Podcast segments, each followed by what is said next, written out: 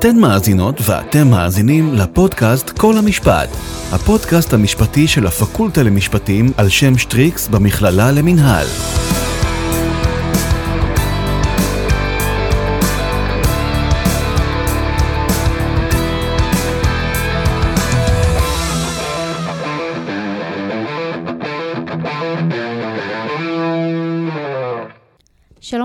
ולכם, כאן שיר טולדנו וליאור ברש, ותודה שהצטרפתם אלינו לפודקאסט כל המשפט.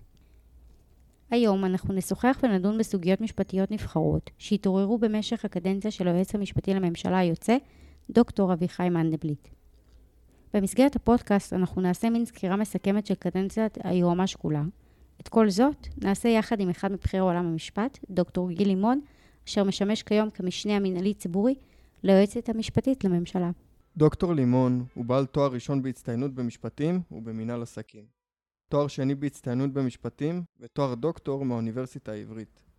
כמו כן, פרסם מאמרים אקדמיים וכתב ספר בתחום המשפט הבינלאומי פומבי, אשר התבסס על עבודת הדוקטורט.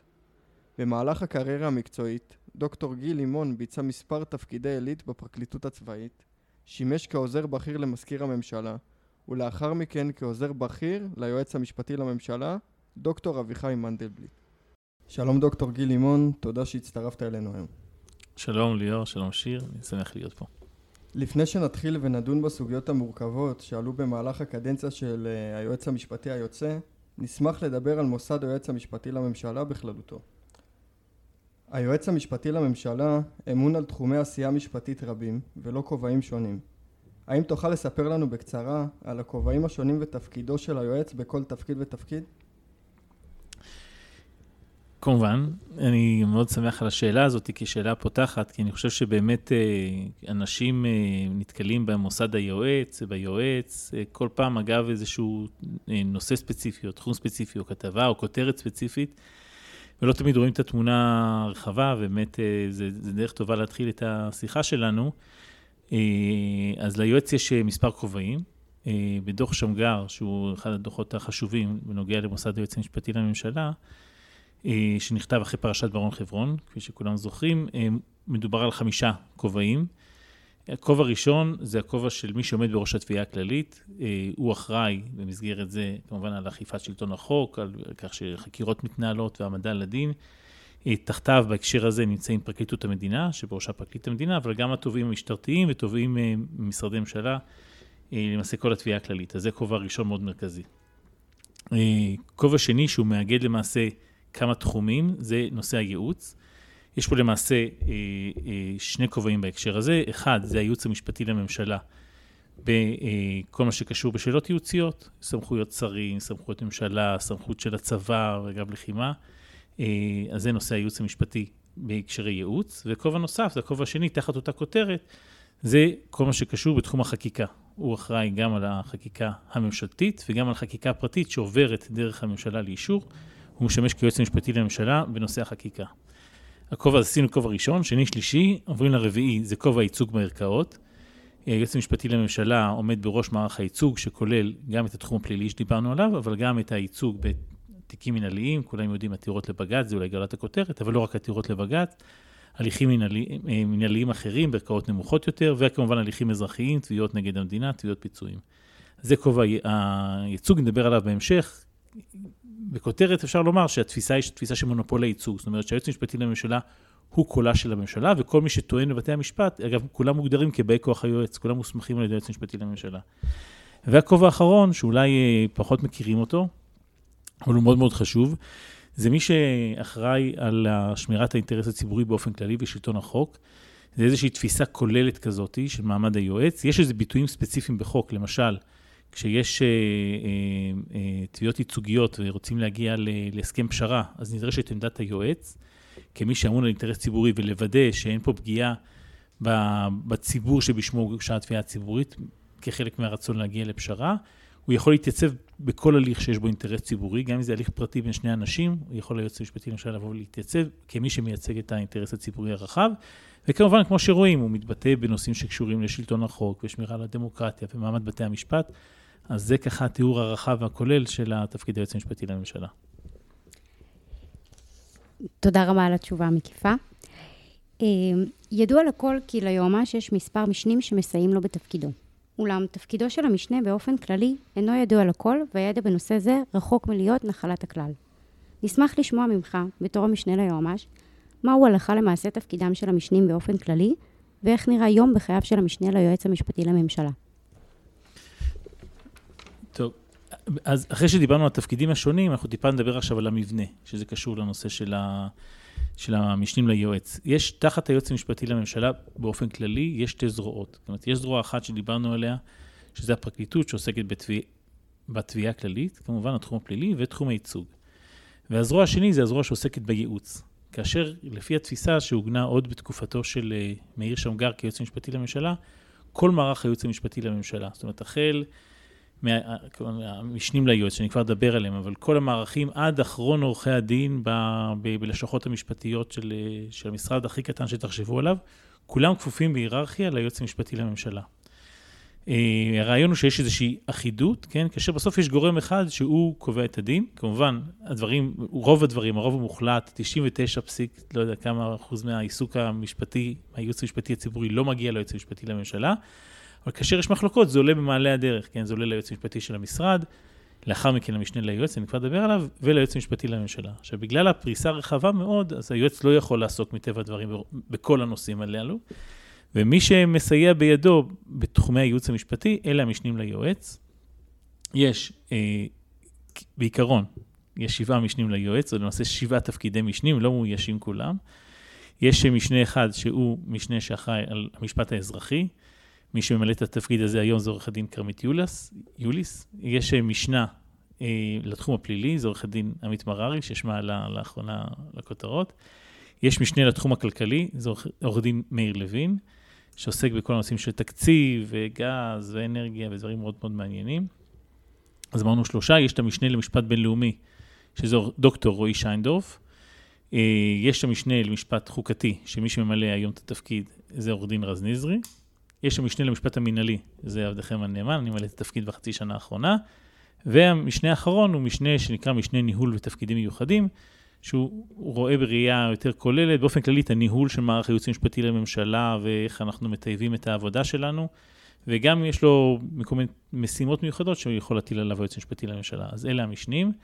איך נראה יום בחייו של משנה ליועץ? קודם כל, האמת היא, צריך לומר שזה תפקידים מרתקים, אני באופן אישי מאוד מאוד נהנה.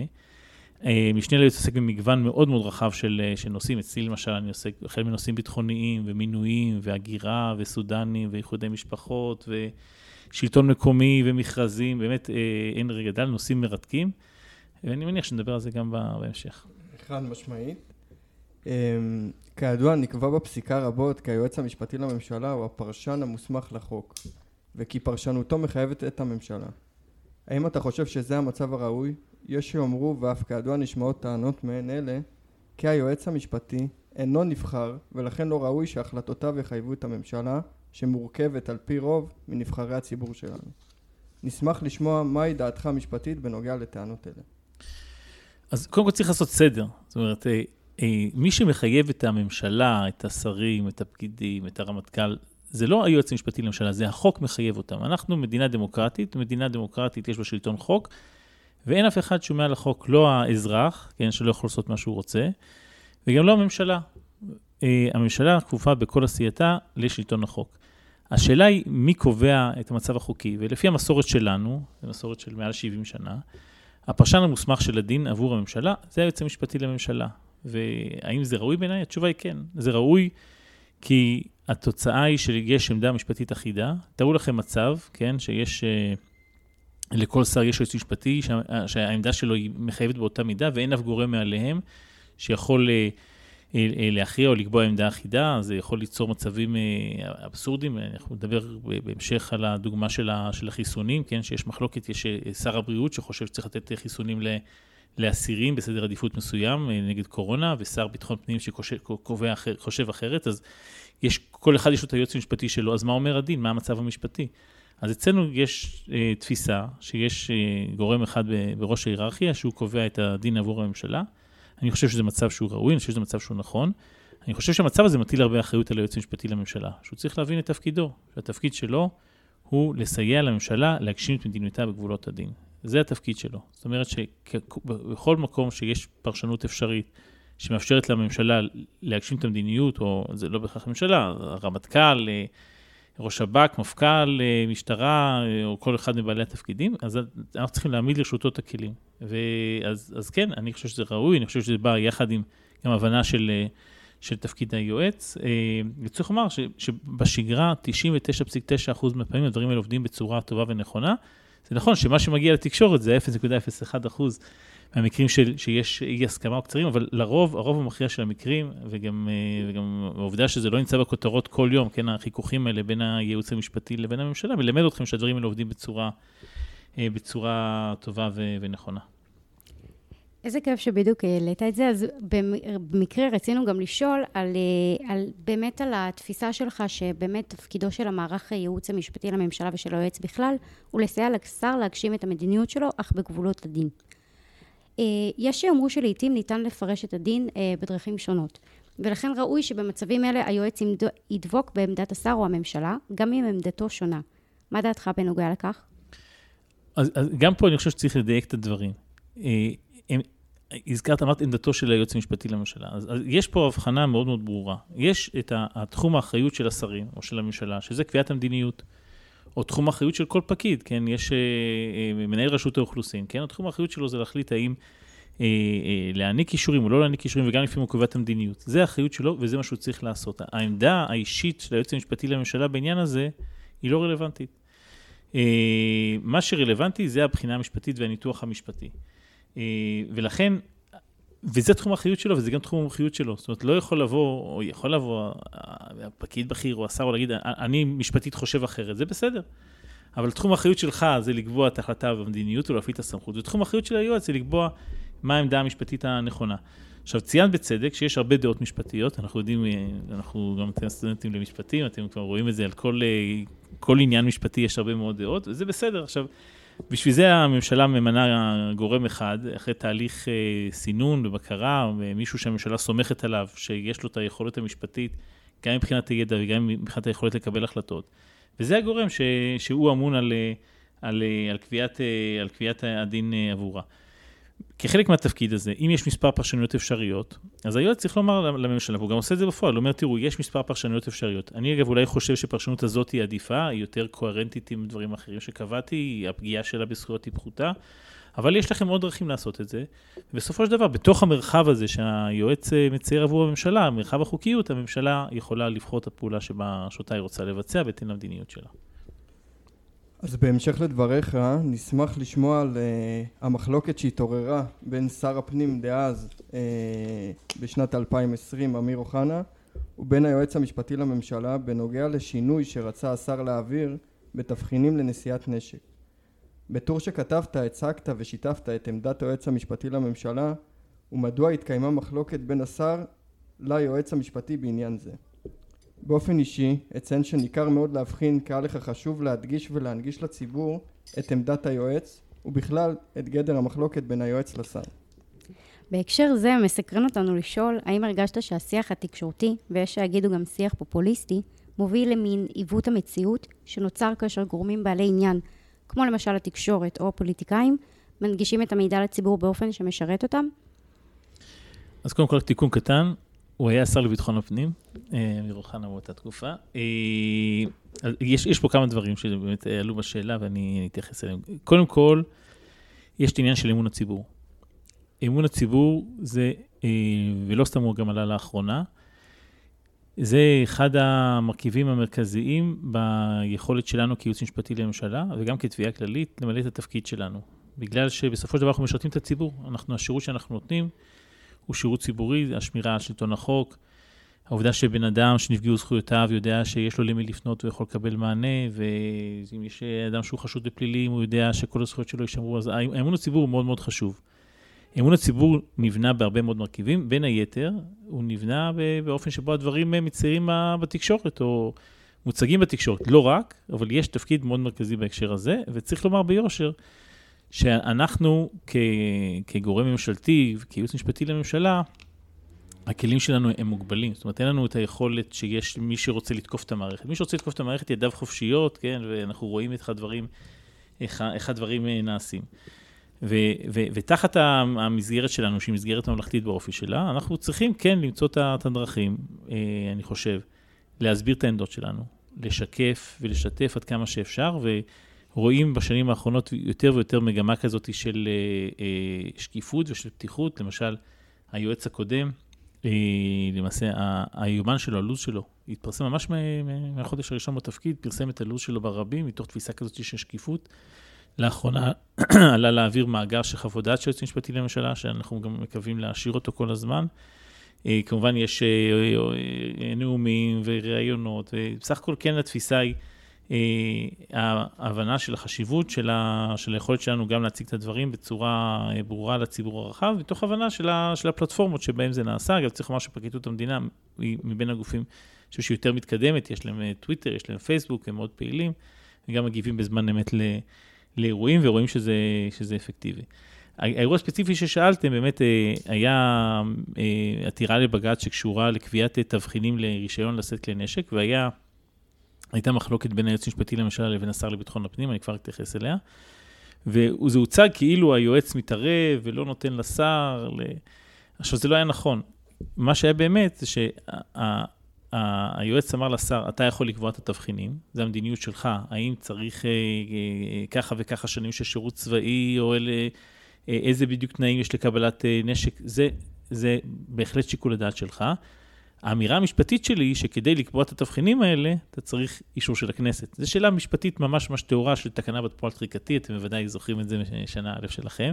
ו- והשר אמר, אני לא מקבל את העמדה שלך בעניין הזה. ו- ומה שהיה חשוב לי להסביר, שהמחלוקת פה היא לא מחלוקת על המדיניות, היועץ לא כובל את ידי השר, היועץ בסך הכל דואג אגב, שזה דבר גם חשוב, כן, ש, שהכנסת תוכל למלא את תפקידה, ואם לפי חוק הכנסת צריכה לאשר את התבחינים האלה, שזה ילך לכנסת ויעשה בצורה שהיא בצורה נכונה מבחינה פרוצדורלית. וזה מה שבאמת היה חשוב לי, ולכן פרסמתי את בשעתות המאמר אה, דעה בעניין הזה במקור ראשון. כמובן, ואיך אפשר שלא, כעת נדון בסוגיה המשפטית המורכבת שאפיינה את קדנציית היועמ"ש היוצא, והיא כמובן משבר הקורונה, והשאלות המשפטיות הרבות שעלו כתוצאה ממנו. ראשית כל, היינו שמחים לשמוע איך זה להיות חלק ממערך הייעוץ המשפטי לממשלה בתקופת הקורונה, ומהן הדילמות שעומדות על הפרק. תראו, הקורונה באמת הוא אירוע, אני חושב, אה, אה, מכונן, אה, מאוד משמעותי. בקדנציה של היועץ המשפטי לממשלה הקודם, היו לו כמה מאפיינים. קודם כל, זה אירוע שאתה לא נערך אליו ואתה גם לא יכול להיערך אליו. כשהתחילה הקדנציה של היועץ, אז אתה, אתם יודעים, ככה, מנסים לצייר תרחישים, כן, מה יהיה על הפרק ואיך נערך. אה, ולרוב הדברים הגדולים, צריך לומר, אף אחד לא יכל להעריך אותם, כן, החקירות והכתבי אישום והמערכות בחירות והמשבר הפוליטי והקורונה. אה, אנחנו חשבנו, הערכנו, כן, גם לאור ניסיון העבר, שסביר להניח שמתישהו במהלך הקדנציה יהיה אירוע לחימה, כן, בעזה זה דבר שהוא חלילה בצפון, אבל דבר שהוא תרחיש סביר, באמת היו דיונים, עושים דיונים, היערכות משפטית, גם הסוגיות המשפטיות, המשפטיות שיהיו על הפרק, לוודא שיש מערך ייעוץ משפטי בזמן אמת, כן, שאם יש מבצע לחימה, זה מה שנקרא שעון לחימה כזה, שפעם ביום יש הערכת מצב וכל אחד יש לו תפקיד, ו... אבל המגיפה העולמית אף אחד לא צפה, ולכן באמת הדבר הראשון שהיה חשוב מאוד זה לייצר איזושהי פרקטיקת עבודה. וזה גם במציאות שדי מהר נכנסנו גם לסגרים, זאת אומרת, מציאות שאתה גם אה, מופרד פיזית. אה, יש אנשים, יש פה מערך ייעוץ משפטי, יש אנשים ילדים, ויש אה, אנשים חולים, ו... אז קודם כל לייצר את הפלטפורמה הניהולית, הארגונית. אז היינו עושים הערכות מצב טלפוניות, כן? זה, לאחר מכן גם נכנסנו לעידן הזום, אז הסטה של כוח אדם. אה, בין מחלקות כדי לתת מענה לצרכים שהיו. זאת אומרת, זה, היבט אחד, שהוא ההיבט, אני אקרא לזה אולי הארגוני. היבט אחד. היבט שני זה היבט משפטי. אתה נכנס לעידן חדש, אנחנו יודעים לעסוק בהרבה דברים, אבל מגפה עולמית, אף אחד לא עסק בנושאים האלה, אז הרבה מאוד שאלות שהתעוררו. אה, ואנחנו נדבר על זה בהמשך, אבל צריך לומר שיש פה ממד גדול מאוד של חוסר ודאות, וכשאתה נכנס לאירוע כזה, יש אה, אה, חוסר ודאות, כי אתה לא יודע איך זה יתפתח. אה, יש, ברור שיש מגיפה עולמית, ברור שאנשים במספרים גדולים מאוד חולים ומתים, וזה כן מחייב אותך ללקיחת סיכונים משפטיים. אה, שזה דבר שהוא מאוד לגיטימי בזמן כזה. אה, באופן טבעי, כשיש אירועי, אה, גם לחימה וגם, בכלל אירועי חירום, זאת אומרת, המרחב החוקי שעומד לרשות הממשלה והדרג המבצע הוא מאוד מאוד רחב. זה מקובל וזה נכון. יחד עם זאת, תמיד צריך לשמור על שלושה עקרונות, וזה היה ברור לנו מההתחלה. עיקרון אחד, זה שכל פעולה היא מבוססת על צורך בריאותי, זאת אומרת, צריך חוות דעת כתובה של גורם בריאותי בכיר, שמבססת את הצורך הפעולה. דבר שני, המידתיות תמיד נשמרת, זאת אומרת, תמיד, תמיד, תמיד צריך לראות שיש יחס של פרופורציה בין הצורך הבריאותי הדוחק לבין היקף הפגיעה בזכויות. והדבר השלישי, שהוא מאוד מאוד חשוב, זה שיש איזשהו baseline, כן, איזשהן זכויות מינימליות שמהן אי אפשר לגרוע. זאת אומרת, גם אם יש צורך בריאותי מאוד מאוד חזק, יש איזשהו קו ביצורים דמוקרטי, שאותו לא פורצים, שזה למשל הפעילות של הכנסת, פעילות של בתי משפט, בתחום של העתירות לבג"ץ והמנהלי, נגישות לצדק, מה שנקרא, פעילות של אמצעי תקשורת. אז אלה הדברים, והזכות חופש הביטוי, זאת אומרת, יש לך דברים שהם איזשהו baseline שאותו אי אפשר לפרוץ. אלה העקרונות שכבר היה מההתחלה ברור ששומרים עליהם. אז זה האתגר השני שהיה מאוד מאוד גדול, האתגר המשפטי, והאתגר השלישי שהיה באותה תקופה, אני רוצה להזכיר, אנחנו נמצאים בתחילת שנת 2000, למעשה אה, על סף המערכת הבחירות השלישית ברצף, אנחנו ממשלת מעבר. אה, ולכן אנחנו באתגר מאוד מאוד גדול של איזשהו משבר פוליטי שגם אין פעילות של הכנסת, וזה מוביל אותנו באמת ללכת למקום של תקנות שעת חירום, עם אמצעים מאוד מאוד חריגים. אז באמת יש פה אתגר משולב מאוד מאוד גדול, אה, אה, שעמד על ה... וזה היה סוג הדילמות, כן, שהתמודדנו איתם בתקופה הזאת. באותה תקופה התקיימו דיונים רבים, ואני מניח שגם עלו בהם עמדות משפטיות שונות, כיצד מתפעלים את כל העניין, ואיך ניתן להוביל שינויים משפטיים בעלי משקל רב בזמן כל כך קצר ותחת לחצים רבים. שכן כמו שהזכרת, היו לחצים מצד הציבור, מצד הממשלה, מצד הכנסת. תראה, אה, קודם כל, יש דעות שונות, זה נכון. זה חשוב שיהיה דעות שונות. זאת אומרת, זה חשוב, בשיח הפנימי חשוב גם לעודד ריבוי של דעות. הדבר המרכזי, אני חושב שהשינוי בקבלת ההחלטות היה של קיצור טווחים. זאת אומרת, הרבה מאוד במצב רגיל, כן, של עבודת מטה, אז יש לך, המשרד הרלוונטי מגבש חוות דעת ומעביר אותה אל הרפרנט בייעוץ החקיקה שאחראי על זה, זה עובר למשנה, ואם יש עוד משנים שמתייעצים איתם, מתייעצים פרקליטות המדינה לפעמים, יש רגישויות מול בג"צים, וזה עולה ליועץ וזה. עכשיו, בתקופה הזאת הדברים נעשו בצורה הרבה יותר מהירה. במובן זה שלפעמים ממש היה, אני זוכר, היו ישיבות של קבינט קורונה, שזה שעתיים לפני הישיבה, היו אומרים לנו, אוקיי, אנחנו רוצים לדון בהגבלה הזאת, סגירה הזאת, אה, אה, סגר על, אה, על יישובים, סגר כללי, הסתייעות בחיילים במחסומים, וסוגיות כבדות משקל, ואין מה לעשות, אז מעלים את כולם על הקו. באמת יש פה יתרון. זה אחת החשיבות הגדולה שיש פה אנשים מאוד מיומנים ואנשים עם יכולות וידע משפטי והרבה מאוד ניסיון. מקיים התייעצות, והיועץ בסופו של דבר, אה, בסופו של דבר אה, מחליט, מקבל את ההחלטה, ו... וההחלטה שלו, זו החלטה שכולם, אוקיי, לא כולם סביב רצון, אחד חשב ככה, אחד חשב אחרת, בסוף יש אחד שהוא מחליט והוא גם נותן את הדין לפני הממשלה וגם אחרי זה לפני בג"ץ אם צריך. אז, אה, אז, ככה, אז ככה הדברים התנהלו, וצריך לומר שאנחנו, בתקופה הראשונה דברים נעשו בצורה מאוד מאוד מהירה, עם, עם נטילת סיכון, כן, שאנחנו גם אה, אולי אה, שוגים, או, או שאפשר לראות את הדברים אחרת, וגם סיכון מול בג"ץ, ו, וגם רואים שבהמשך הדרך בג"ץ פסל חלק מההחלטות ש, שהתקבלו, אבל זה בסדר וזה זה לגיטימי, זה חלק מה, מהתהליך. אני חושב שמה שכן אפיין את התקופה הזאת, היא שבאמת היועץ וכל המערך של סביבון נתן מענה מאוד מאוד מהיר לממשלה. זאת אומרת, לא היה מצב שאמרו, אוקיי, עכשיו מחכים יומיים הדיון בקבינט על השאלה אם להטיל סגר, כי צריך להרים חוות דעת משפטית. המענה היה מאוד מאוד... אה, מאוד מאוד מהיר. אה, זה דבר ראשון. ודבר שני, כמו שאמרתי, היה מרחב מאוד מאוד גדול של, אה, אה, של שיקול דעת לדרג המדיני בתקופה הזאת, בגלל ההבנה שצריכים צעדים דרסטיים לנקוט, לעצור את המגפה.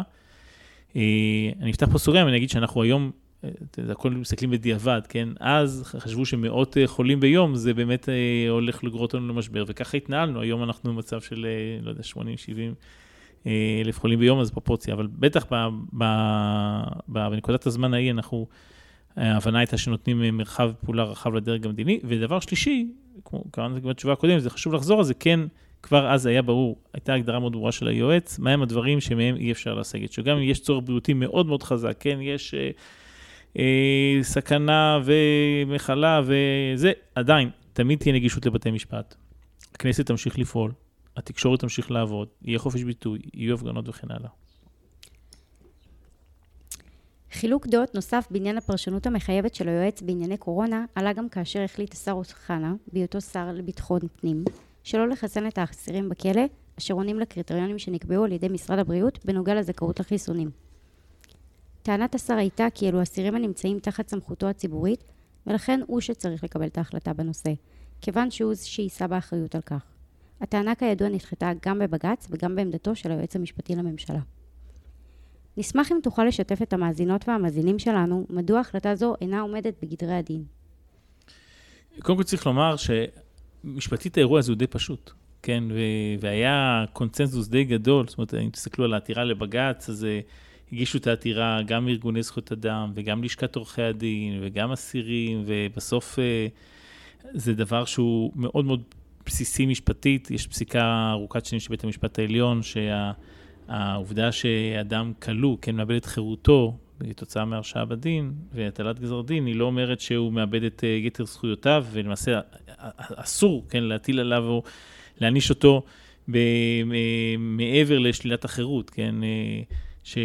או דברים שממש נלווים, חלק נפרד, בלתי נפרד משלילת החירות, כן. אז, אז לכן זה היה מאוד מאוד משפטית, בכלל היה קונצנזוס, לא היה בכלל אה, בטח, אה, בטח אצלנו, אבל אני חושב שגם מצד גופים שהם חיצוניים למערכת, שכאשר יש סדר עדיפות לחיסון, שהוא נקבע על ידי הגורם הבריאותי המוסמך, הסדר העדיפות הזה הוא חל על האסירים, בדיוק כמו שהוא חל על, ה... על מי שאינם אסירים, וסדר העדיפות שנקבע שם היה לפי גילאים, אתם זוכרים, ולפי אה, סיכון בריאותי. זהו, וככה צריך להיות. זאת אומרת, אה, זה, זה פשוט, זה עניין של, של חוסר סמכות, זה אפילו לא, לא מגיע לעולמות האלה ש... שתמיד יש שיח כזה, יש עילת סבירות, אין עילת סבירות, איך עושים מידתיות, אנחנו לא שם בכלל. השאלה, אין, אין לשר בט"פ סמכות, שר ביטחון פנים, סמכות אה, אה, לפגוע בזכויות של אסירים מעבר לשאלת החירות שלהם. הוא לא יכול לומר, אני לא מחסן אתכם, או אני קובע סדר עדיפות אחר. זה ממש דבר שהוא ממש חריגה מובהקת מסמכות, זה הדבר הכי בסיסי של המשפט המנהלי. ו- וזאת הייתה העמדה, אני חושב שגם היה... כמו שאמרתי, תסתכלו על הרשימת העותרים לבג"ץ, תראו שהייתה קונצנזוס, גם בפסק הדין עצמו הוא מאוד מאוד פשוט. גם מה שקרה, כן, האופן שבו זה התנהל, אז חיסנו מהר מהר את הסוהרים, ואז עד שהגיע דיון לבג"ץ, אמרו, אוקיי, אנחנו מתחילים לחסן את האסירים, אבל כן בית המשפט ראה חשיבות רבה לחזור על, על מושכלות היסוד האלה. אה, זה מתחבר כן לשאלה של, ה, של המעמד המחייב של חוות היועץ המשפטי לממשלה, כי תמיד אומרים, יש איזו אמירה כזאת, שוודאי אני לא מקבל אותה, שהמעמד המחייב של, של חוות היועץ המשפטי לממשלה, היא נועדה לתת כוח למשפטנים. כן, המשפטנים רוצים למשול, רוצים לנהל, ובגלל זה הם עומדים על החוות. זה ממש לא נכון. התוקף המחייב של החוות של היועץ המשפטי לממשלה נועד להבטיח את שלטון החוק. וזה ממש דוגמה. התוקף מחייב במקרה הזה, הוא נועד להבטיח שהזכויות של אסירים יישארו. האסירים זה קבוצה, אחת הקבוצות הכי מוחלשות בחברה הישראלית. אין, אין, אין להם חירות, אין להם נגישות לתקשורת, אה, הנגישות לעורכי דין, אה, בסדר, יש אפשרות של עתירות אסיר, אבל היא גם מוגבלת מטבעה. ואלמלא המנגנונים האלה, אלמלא המעמד המחייב של חברת היועץ המשפטי לממשלה, אלמלא פסיקת בג"ץ, כן, בית המשפט העליון, שזה חלק מהתפקיד הקלאסי של בית משפט אה, עליון, לשמור על זכויותם של, אה, של אסירים, אז אה, אנה אנו באים, כן? אף אחד לא ישמור על הזכויות האלה, זה, ולכן אני חושב שבאמת זו דוגמה מאוד מאוד טובה לתפקיד של היועץ המשפטי לממשלה. יש לציין שבמקרה זה לא הותר לשר להציג עמדה משפטית מטעמו, בשונה מתקדימים אחרים שבהם התירו לעשות כן בעבר, כאשר העמדות המשפטיות היו שונות בין הגורמים. כידוע גם בג"ץ התייחס לכך בפסק דינו. נודה אם תוכל לתאר לנו בקצרה מהם ההבדלים בין הסיטואציות ומתי לכן מוטלת חובה להתיר ייצוג משפטי אחר של עמדת השר או הממשלה, ובאילו מצבים או סיטואציות יש להסתפק בחוות דעת נוספת שתוצג כחלק מעמדת היועמ"ש. הנושא של, ה... של הייצוג בערכאות, זאת אומרת. אה, הוא נושא מאוד מאוד מורכב. אה, וכדי להבין אותו, אז צריך קודם כל להבין שיש קשר אה, הדוק מאוד, למעשה קשר ישיר בין המעמד המחייב של חוות דעת היועץ המשפטי לממשלה לבין שאלת הייצוג בערכאות. זאת אומרת, במצב שבו אה, אה, כל שר, או אפילו כל, אה, כל פקיד, כן, שלא מקבל את עמדת היועץ, יכול לקחת לעצמו ייצוג נפרד בתקיפה משפטית, אז אה, למעשה המשמעות היא, במידה רבה זה פוגע במעמד המחייב של חוות היועץ. כי יגיד השר, בסדר, אוקיי, שמעתי אותך, אני אעשה מה שאני חושב לנכון, ושתהיה תקיפה משפטית, אז אני אקח לעצמי את העורך דין הפרטי ש, שייצג אותי. אז למעשה יש קשר מאוד מאוד הדוק בין המעמד המחייב של חוות היועץ לבין העובדה שהיועץ הוא זה שמייצג את המדינה. יש פסיקה ארוכת שנים אה, בנושא הזה, שלמעשה המדינה מדברת בקול אחד, וזה הקול של היועץ המשפטי לממשלה. עכשיו, יש מתח, כן, בין העיקרון הזה לבין אה, ה, ה, ה, הזכות, כן, צריך לומר, גם של, גם של ממשלה וגם של שרים, שגם ש, שאם יש להם עמדה שונה, ש, שהקול שלהם יישמע. זאת אומרת, יש, יש איזשהו מתח בין הדברים האלה. אה, הרי לכל אדם יש זכות לייצוג בערכאות, אז נכון שהממשלה, אה, או, שר שהוא נמצא, כן, הוא, הוא בעל תפקיד, זה לא, זה לא השוואה חד-חד ערכית, אבל כן, יש איזשהו מתח בעניין הזה. ודוח שמגר מנסה ליישב את. עוסק בשאלה הזאת, מנסה ליישב את המתח, הוא באמת קובע שככלל, היועץ המשפטי לממשלה הוא זה שמייצג את עמדת המדינה. אה, גם כשיש מחלוקת בינו לבין שר משרי ממשלה או הממשלה כולה. אבל יש מקרים חריגים שבהם כן צריך לאפשר את, ה, את הייצוג הנפרד, ותמיד השאלה היא מה המקרים החריגים האלה, אבל התפיסה היא קודם כל שזה מקרה חריג. אה, עכשיו, אה, יש אה, מנעד רחב מאוד של, של מקרים, ולמולם גם יש מנעד, מנעד רחב של פתרונות. המקרה אולי החריג ביותר, במהות שלו, כן, זה המקרה נניח של חוק ההסדרה, משהו כמו חוק ההסדרה. זאת אומרת שיש... אה, חוק אה, של הכנסת, שהיועץ המשפטי לממשלה אומר אה, שהוא לא חוקתי, כן, דיברנו בהתחלה על הכובעים, יש את הכובע של מי שמטפל בנושא החקיקה, אומר היועץ המשפטי לממשלה שהחוק הזה הוא לא חוקתי, והממשלה מחליטה בכל זאת למעשה לאשר אותו בוועדת שרים חקיקה, ולאחר מכן החוק מאושר בכנסת ויש עתירה לבג"ץ. אז אומר היועץ, אני במצב הזה, אני לא יכול לייצג את הממשלה בעתירה הזאתי. כי העמדה שלי שהחוק הזה הוא לא חוקתי, אבל בגלל שבאיזה מחלוקת מאוד מאוד בסיסית, כן, על חוקתיות של חוק, אז מאפשרים ייצוג נפרד מלא, ופה באמת היה עורך דין שטען טען בעתירה מטעם, מטעם הממשלה, בסופו של דבר בית המשפט קיבל את עמדת היועץ ובאמת אה, פסל את, ה, אה, את החוק. אה, יש מקרים שהם מקרי ביניים יותר, כן, שכן יש עמדה של השר שהיועץ לא מקבל אותה, ואז בדרך כלל, לרוב מצב כזה, כשיש עמדה של השר שהיועץ לא מקבל אותה, אז הפתרון שנעשה זה שהם מאפשרים לשר, אה, מציגים את עמדת השר, אגב, לא מסתירים את עמדת השר מפני בית המשפט, תמיד נותנים לבית המשפט את התמונה המלאה, כאשר מציגים, מציגים את זה או במסגרת התגובה של הפרקליטות, או במסגרת איזשהו מכתב נלווה שהשר שולח ליועץ והיועץ מצרף, או ב, ב, ב, בכל הפורמטים, אחד מכל ה, הפורמטים, אה, הפורמטים האלה. באמת בשנים האחרונות הזדמנו מספר, מספר הזדמנויות ל... אה, לדברים מהסוג הזה, כן, יש את העתירה המפורסמת לגבי הענקת פרס ישראל לגולדרייך, כן, עם המחלוקת מול אה, השר אקוניס בשעתו, אה, העתירה של יעל אמיתי, לגבי גם המינוי שלה לוועדת, ועדה מדעית של ישראל וגרמניה. יש עתירות הכותל, אגב, שביחס אליהם ניתנה אפשרות לרבנות הראשית להציג עמדה נפרדת, גם כן, שצורפה לתגובת פרקליטות המדינה, אז יש לנו מנעד רחב של דברים. בסך הכל הגישה של היועץ הקודמת הייתה כן גישה יותר מרחיבה בהיבט הזה, כן לאפשר.